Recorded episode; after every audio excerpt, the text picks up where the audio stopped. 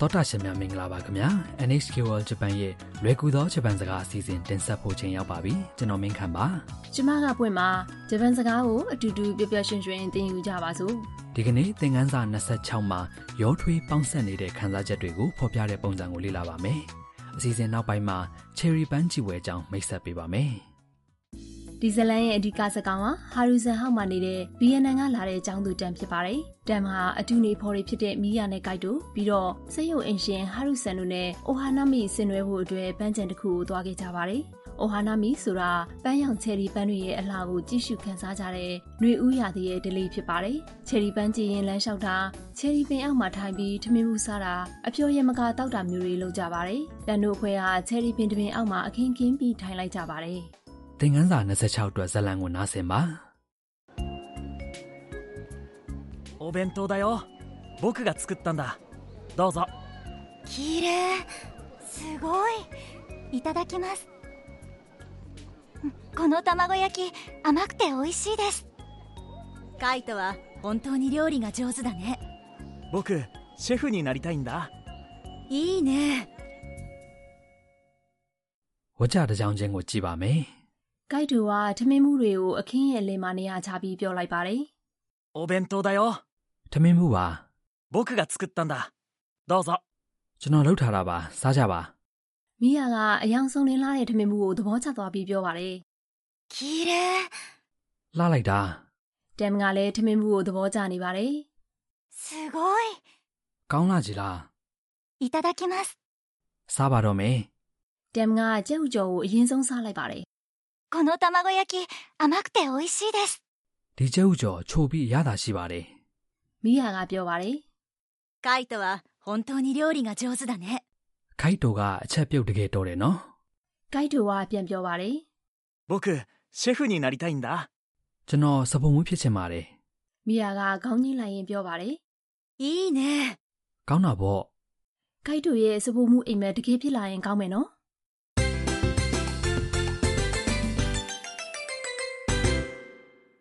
ဒီကနေ့အတွက်အဓိကအသုံးနှုန်းက この卵焼き甘くて美味しいです ဒီကျုပ်ကျော်ချိုပြီးရတာရှိပါတယ်ဖြစ်ပါတယ်။ဒီပုံစံကိုသိသွားပြီဆိုရင်နည်းနည်းရောထွေးနေတဲ့ခံစားချက်ကိုပြောရသွားပြီဖြစ်ပါတယ်။စကားစုရဲ့အဓိပ္ပာယ်တွေကိုကြည့်ပါမယ် この卵焼き、 ။ဆိုတာဒီကျုပ်ကျော်လို့အဓိပ္ပာယ်ရပါတယ် 卵焼き、 ။ကျုပ်ကျော်ဟာထမင်းဘူးတွေမှာအမြဲဆိုသလိုပါလိရှိတဲ့အရန်ဟင်းဖြစ်ပါတယ်။ကျုပ်ကိုခွဲပြီးအနံ့ရတာအတွက်ဟင်းချိုရည်တကြားတို့ထည့်ပါတယ်။အလွာပါပါတလွာချင်းကြော်ပြီးလေးလိုက်တဲ့အခါပျော်ပြောင်းနူးညံ့တဲ့ကျုပ်ကျော်တုံးလေးကိုရပါတယ် 甘くて、 ။ရဲမူရင်းပုံစံက 甘い、 ချိုတယ်လို့အဓိပ္ပာယ်ရတဲ့ဤနာမဝိသေသနာဖြစ်ပါတယ် 美味しい、 ။ဆိုတာကအရသာရှိတယ်လို့အဓိပ္ပာယ်ရပါတယ်။ဒီကနေ့အတွက်အဓိကအချက်ကနာမဝိသေသနာနှစ်ခုဒါမှမဟုတ်နှစ်ခုနဲ့အထက်ကိုဆက်ပြီးပြောပြတဲ့ပုံစံဖြစ်ပါတယ်။အဲဒီလိုဆက်တဲ့အခါဤနာမဝိသေသနာဆိုရင်အဆုံးကဤကိုဖြုတ်ပြီး くて、 ပေါင်းရပါတယ်။ဒီကနေ့စကားစုမှာ 甘い、 နဲ 美味しい、 ကိုဆက်တဲ့အခါ 甘い、 က 甘くて、 လို့ဖြစ်သွားပြီးနောက်မှာ 美味しい、 ကိုတော့မူလအတိုင်းပဲဆက်ထားတာကြောင့် 甘くて美味しい、 လို့ဖြစ်သွားပါတယ် ။သရရှင်တို့နားထောင်ပြီးနောက်ကလိုက်ပြောကြည့်ပါ 甘くて美味しいです。この卵焼き、甘くて美味しいです。 ။သရရှင်တို့လိုက်ပြောလို့ရကြရဲ့နော် ။အခုတခါပန်းချံတစ်ခုနဲ့ပတ်သက်တဲ့ခန်းစားချက်အမြင်ကိုပြောပြထားတဲ့ဥပမာစကားပြောကိုနားထောင်ကြည့်ပါ 上野公園どうでしたか広くて綺麗でとても良かったです ။အတိပ္ပယ်တွေကိုကြည့်ရအောင် 上野公園どうでしたか ။ဦးဝဲနိုပန်းချံကဘယ်လိုနေလဲ 上野公園、 ။ဆိုတာကဥဝဲနိုပန်းချံပါ။တိုကျိုမှာရှိတဲ့ပန်းချံအကြီးကြီးဖြစ်ပါတယ် どうでしたか ။ကဘလို့နေလဲဆိုတဲ့အတိပ္ပယ်ပါ။အတိတ်ကာလကခန်းစားချက်ကိုမေးမြန်းထားတာဖြစ်ပါတယ် 広くて綺麗でとても良かったです ။ကျေပြီးလှပါတယ်။သိပ်ကောင်းတာပဲ။ 広くて、 ။ဆိုတာ 広い、 ကျဲတယ်ဆိုတဲ့ဤနာမဝိသေသနာကို နောက်နာမဝိသေသနာတစ်ခုနဲ့ဆက်မဲ့ပုံစံဖြစ်ပြောင်းထားတာဖြစ်ပါတယ် 綺麗で、 ။ဆိုတာကလည်း 綺麗な、 လှတယ်ဆိုတဲ့နနာမဝိသေသနာကိုနောက်နာမဝိသေသနာတစ်ခုနဲ့ဆက်မဲ့ပုံစံဖြစ်ပြောင်းထားတာပဲဖြစ်ပါတယ်။နနာမဝိသေသနာကိုနောက်နာမဝိသေသနာတစ်ခုနဲ့ဆက်တဲ့အခါနကိုဖြုတ်ပြီး で、 ပေါင်းရပါတယ်။ とても良かったです。 ဆိုတာကသိပ်ကောင်းတာပဲဖြစ်ပါတယ် သောရရှင်တို့နားထောင်ပြီးနောက်ကလိုက်ပြောကြည့်ပါ 広くて、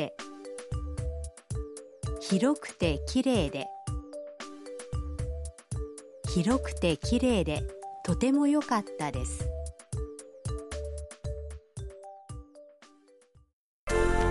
။တခြားခံစားချက်တွေကိုလည်းပြောကြည့်ကြရအောင်။အလှထားတဲ့ကြောင်ရုပ်လေးလက်ဆောင်ရတယ်ဆိုပါစို့။သေးပြီးချစ်စရာကောင်းတယ်နော်ဆိုတာကိုဘယ်လိုပြောမလဲ။သေးတယ်က 小さい、小さい、 ချစ်စရာကောင်းတယ်က かわいい、かわいい、 ဖြစ်ပါတယ်။တစ်ဖက်လူရဲ့ထောက်ခံမှုကိုရယူတဲ့အနေနဲ့ဝါကြအဆုံးမှာနဲထည့်လိုက်ပါ။ပြောကြည့်ပါဦးခင်ဗျာ 小さくて可愛いですね小さくて可愛いですね ။အခုတခါဂျပန်ကယထာတွေနဲ့ပတ်သက်ပြီးဘယ်လိုထင်လဲမေးလာတယ်ဆိုပါစို့။အချိန်တိကျပြီးအဆင်ပြေတယ်လို့ဖြစ်မယ်ဆိုရင်ဘယ်လိုပြောမလဲ။အချိန်တိကျတယ်က 正確な、正確な、 အဆင်ပြေတယ်က 便利な、便利な、 ဖြစ်ပါတယ်စူးစမ်းကြည့်ပါခင်ဗျာ 正確で便利ですね正確で便利ですね ။သောရရှင်တို့ပြောလို့ရကြရဲ့နော် ဒီနေ့အတွက်ပို့စုစကားကခိုက်တိုကထမင်းဘူးတွေနေရာချပြီးပြောလိုက်တဲ့စကားပါအလွတ်မှတ်ပြီးပြန်သုံးကြည့်ပါခင်ဗျာ どうぞどうぞ、 ဆိုတာကဒီနေရာမှာသုံးဆောင်ပါစားပါလို့အဓိပ္ပာယ်ရပါတယ်တစ်ဖက်လူကိုအစားအသောက်တစ်ခုခုကျွေးတဲ့အခါမျိုးမှာဒီစကားလုံးကိုသုံးပါတယ်ဒါအပြင်တစ်ခုခုလုပ်ဖို့ခွင့်ပြုတဲ့အခါမျိုးပစ္စည်းတစ်ခုခုလက်ကမ်းပေးတဲ့အခါမျိုးမှာလည်းသုံးပါတယ် ။ဒီစကားစုကိုပြောထားတဲ့အတန်ထွက်တွေကိုနားထောင်ကြည့်ပါ どうぞどうぞどうぞ ။တစ်ခေါက်ပြန်နားထောင်ပြီးလိုက်ပြောကြည့်ပါဦး どうぞ、 ဒီကနေ့ရဲ့ဇာတ်လမ်းကိုနောက်တစ်ချိန်ပြန်နှားထောင်ပါမယ်။တမ်ကသူ့ရဲ့ထင်မြင်ခံစားချက်ကိုပြောနေတဲ့အပိုင်းကိုတေချာအာယုံစိုက်နှားထောင်ပါ お弁当だよ僕が作ったんだどうぞ綺麗すごいいただきますこの卵焼き甘くて美味しいですカイトは本当に料理が上手だね僕シェフになりたいんだいいねはるさんの知恵袋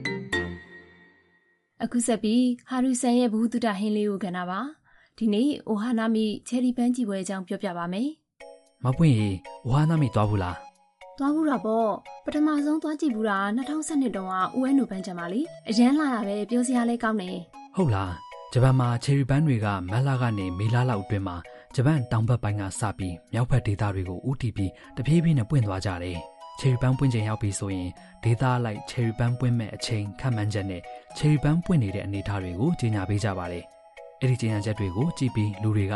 အိုဟာနာမိသွားဖို့အတွက်အစီအစဉ်ဆွဲကြပါတယ်။ ။ဟုတ်လားအိုဟာနာမိအတွက်ဘယ်ဒီကိုသွားတာများလဲ ကိုနီနာကပန်းချံတွေချယ်ရီပင်တွေတန်းစီစိုက်ထားတဲ့နေရာတွေနဲ့ချယ်ရီပန်းကြီးဖို့နာမည်ကြီးတဲ့နေရာတွေကိုတွားကြပါတယ်။တကယ်နာမည်ကြီးတဲ့နေရာတွေမှာတော့မနက်စောစောကတည်းကလာပြီးနေရာဥတဲ့သူတွေကိုတွေ့ရပါတယ်။တိုကျိုမြို့ထဲမှာဆိုရင်ဥဝဲနိုပန်းချံနဲ့ရှင်ဂျူကုဂီယိုဝမ်ပန်းချံနှစ်ခုကနာမည်အရင်ကြီးပါတယ်။ဆူမီရာမြစ်နဲ့မေဂူရိုမြစ်ကန်တစ်လျှောက်ကချယ်ရီပင်တွေကလည်းနာမည်ကြီးပါတယ်။ညဘက်မှာမီးလာစင်ထွန်းညှိထားတဲ့ချယ်ရီပင်တွေဟာလည်းတိတ်လာတာမို့လို့တွားကြည့်ကြဖို့ညွှန်ကြပါတယ်ခင်ဗျာ။ ။သောတာရှင်တို့ဒီကနေ့ရဲ့လွယ်ကူသောဂျပန်စကားအစီအစဉ်ကိုနှစ်သက်ကြမယ်ထင်ပါတယ် ။နောက်တစ်ပတ်မှာတော့တမ်ကနာမည်ကျော်ရာမန်ခေါက်ဆွဲဆိုင်ကိုသွားတဲ့အကြောင်းတင်ဆက်ပါမယ်။နောက်တစ်ပတ်မှာပြန်ဆောင်ကြမယ်နော်။